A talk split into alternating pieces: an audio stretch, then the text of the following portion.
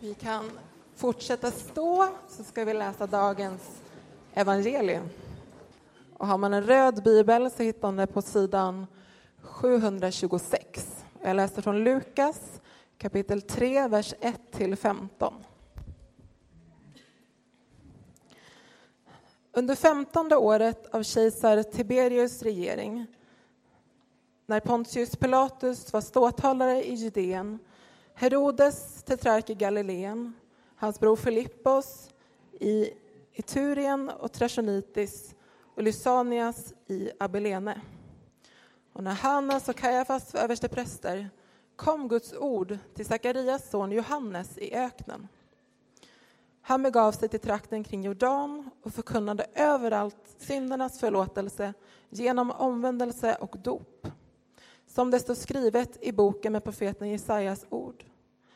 En röst ropar i öknen, bana väg för Herren, gör hans stigar raka.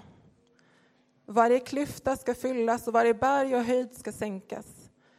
Krokiga stigar ska rätas och steniga vägar jämnas och alla människor ska se Guds frälsning. När folk kom ut i stora skaror för att döpas av honom så sa han till dem Huggormsyngel, vem har sagt er att ni kan slippa undan den kommande vredan? Bär då som frukt som hör till omvändelsen. Börja inte säga er, vi är Abraham till fader. Jag säger er att Gud kan uppväcka barn åt Abraham ur dessa stenar. Redan är yxan satt till roten på trädet och varje träd som inte bär god frukt ska huggas bort och kastas i elden. Folket frågade honom, vad ska vi då göra? Han svarade, den som har två skjortor ska dela med sig åt den som ingen har och den som har bröd ska göra på samma sätt. Även tullindrivarna kom dit för att bli döpta och frågade honom Mästare, vad ska vi göra? Och han svarade Driv inte in mer än vad som är fastställt. Och när det kom soldater och frågade honom Och vi, vad ska vi göra?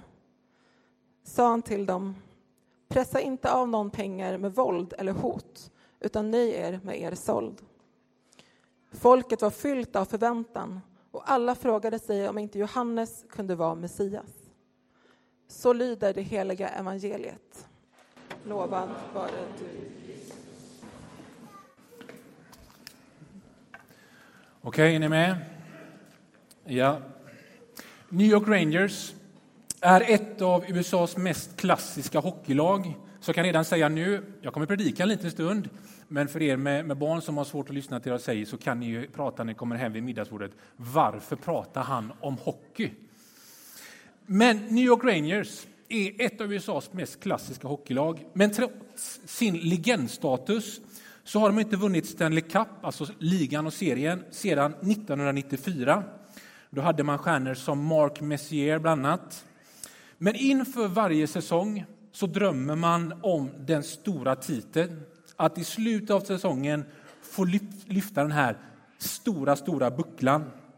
Och de senaste åren så har man hoppats väldigt mycket på lagets stora stjärna, lagets målvakt, svensken Henrik Lundqvist. Och man hoppas att han ska bli lagets frälsare. Henrik Lundqvist som tidigare spelade i Frölunda men som åkte över Atlanten och blev i New York King Henry.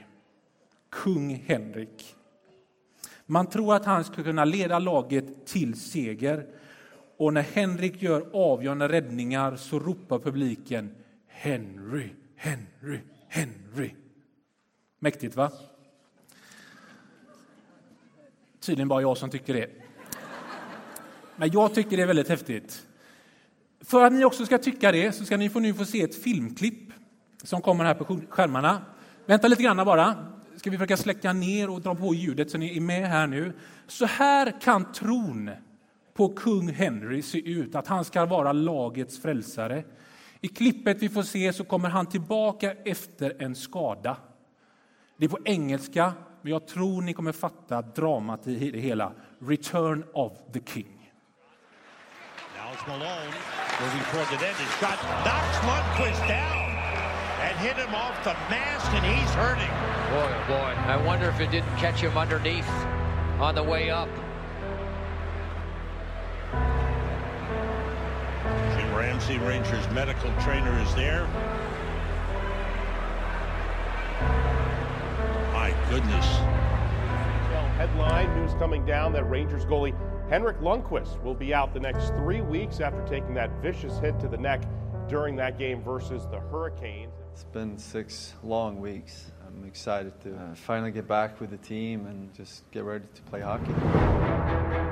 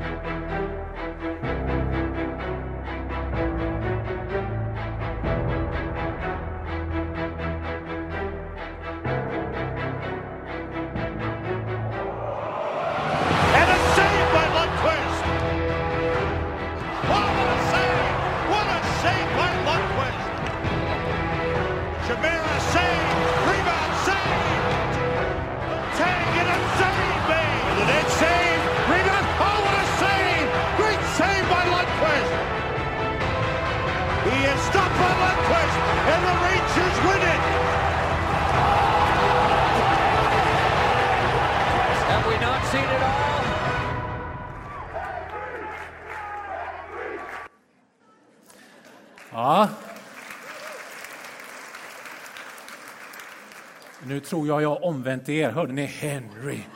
Henry. I, in, nu kan vi ta på lite ljus igen här. I inledningen till dagens evangelietext får vi reda på att Israel inte var ett fritt land. Utan vid den här tidpunkten så var de politiska och religiösa förhållandena väldigt svåra. Och vi människor vi är ganska förutsägbara, både som individer och som grupp. Så vad gör det israeliska folket under en svår religiös och politisk tid? De hittar en gemensam fiende och stänger sina hjärtans gränser. Fienderna blir romarna och hjärtats gränser blir nationalism. I centrum för det israeliska folket fanns dock en förväntan på att Messias ska komma. Och i förutsägbarheten står hoppet till att Messias ska sparka ut romarna och ena landet. Då ropar en röst i öknen. För Guds ord har kommit till Johannes. Och det han säger är, gör er beredda. Bana väg för Herren. Nu händer det. Nu kommer det nya uttåget ur Egypten. Nu kommer befrielsen. Och efter att Guds ord har kommit till Johannes så kommer Guds ord gående mitt ibland dem och alla människor ska se Guds frälsning. Och när en av Jesu närmaste vänner senare sätter ord på vad de varit med om så skriver han så här. Det vi har sett och det vi har hört förkunnar vi för er för att också ni ska vara med i vår gemenskap som är gemenskap med Fadern och hans son Jesus Kristus. Så Guds frälsningsplan är mycket större än våra mänskliga, vår mänskliga förutsägbarhet i en svår tid. Den spränger gränserna kring tanken om en gemensam fiende och nationalism. För alla människor ska se Guds frälsning. Varje klyfta ska fyllas, varje berg och höjd ska sänkas. Och det började med Johannes förkunnelse om helighet och inte nationell utvaldhet.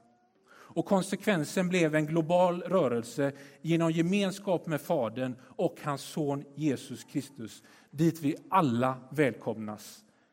Alla är vi ett i Kristus Jesus. Älska era fiender. Det är en global frälsningsplan som börjar från en röst som ropas i öknen och når världens yttersta gräns med budskapet om att vi har sett Guds frälsning. Ty ett barn har fötts. En son har blivit oss given och väldigt, väldigt är lagt på hans axlar och detta är hans namn. Allvis härskare, gudomlig hjälte, evig fader och fredsförste. Kommer ni ihåg? Fråga varför pratar han om hockey? Maj 2013 är jag i New York. Står utanför Madison Square Garden, alltså New York Rangers hemmaarena och fått tag i en biljett där jag ska få se slutspelsmatchen mellan New York Rangers och Boston Bruins. Det är slutspel, det är mina två rivaler. Och när jag går in på helig mark så får jag en t-shirt tillsammans med alla andra som också går in. Believe in New York Rangers. Tillsammans tror vi. Believe in New York Rangers. Tro på New York Rangers. Och på baksidan, hashtag New York Rangers Believe. Säger om killarna amerikanerna, de kan sin show alltså. Alla tar på sig de här t-shirtarna.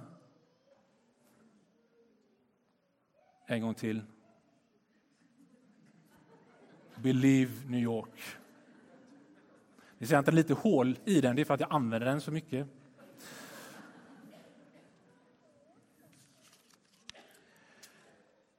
Nu när vi är i adventtid förbereder vi oss inför julen om hur världens frälsare föds in i världen och vi kan påminna oss om att vi tror.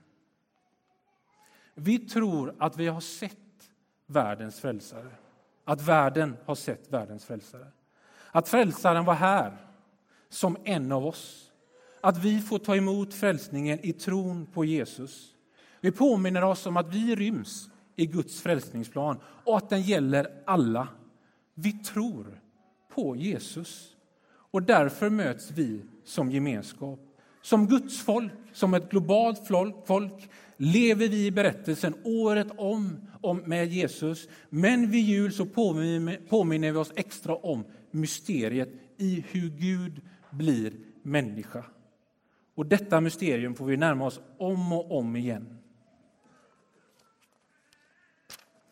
Så genom 2000 år så har kyrkan trott att Jesus är Messias, att han är frälsaren. Och här i Saron är vi en del av den tron. Vår tro ser olika ut. Någon är här för att din förälder vill det. Någon är här för att du börjar upptäcka det här med tro. Någon har trott länge. Någon har svårt att tro. Vi är en gemenskap som alla är på väg, men tillsammans så får vi tro. Tillsammans får vi bana väg för Herrens verk. Vi banar väg för Jesus i mitt liv. Vi banar väg för Jesus hos varandra. Vi banar väg för Jesus i världen. Och tillsammans så tror vi att Jesus är världens frälsare. Och på det sättet blir vi en röst in i våra liv, in i varandras liv och in i världens öken. Jag börjar närma mig slutet här nu. Malala, den pakistanska tjejen som numera är 19 år som är känd för sin aktivism för flickors rättighet till utbildning och som också fått Nobels fredspris. Hon har sagt så här. När hela världen är tyst så kan även en ensam röst bli mäktig. En röst ropar i öknen. Johannes banade väg för Herren och hans röst blev mäktig. Om världen tystnar är hans röst fortfarande mäktig.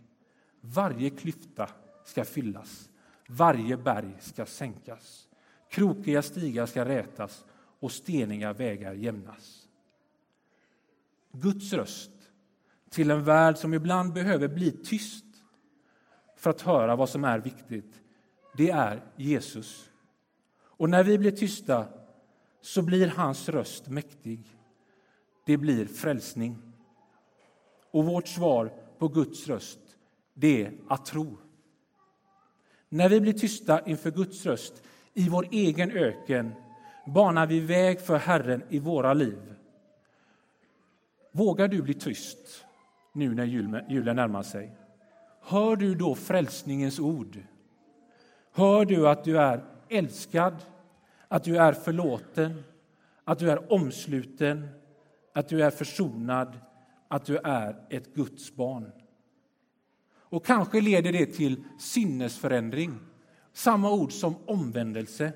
Precis som Johannes uppmanade sina åhörare till då att han uppmanade dem att bana väg för Herren. Då frågade vad ska vi göra?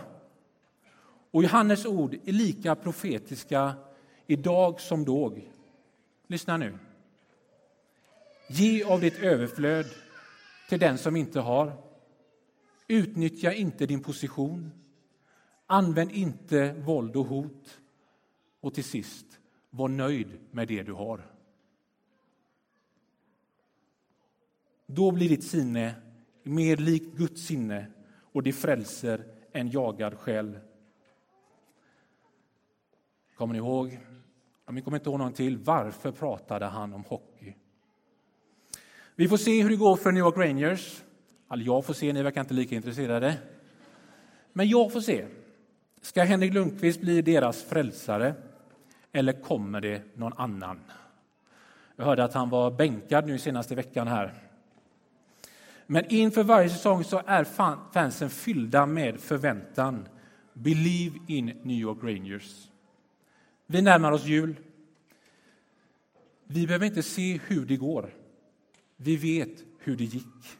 Mänskligheten fick se världens frälsare och vi tror att han är världens frälsare. Amen.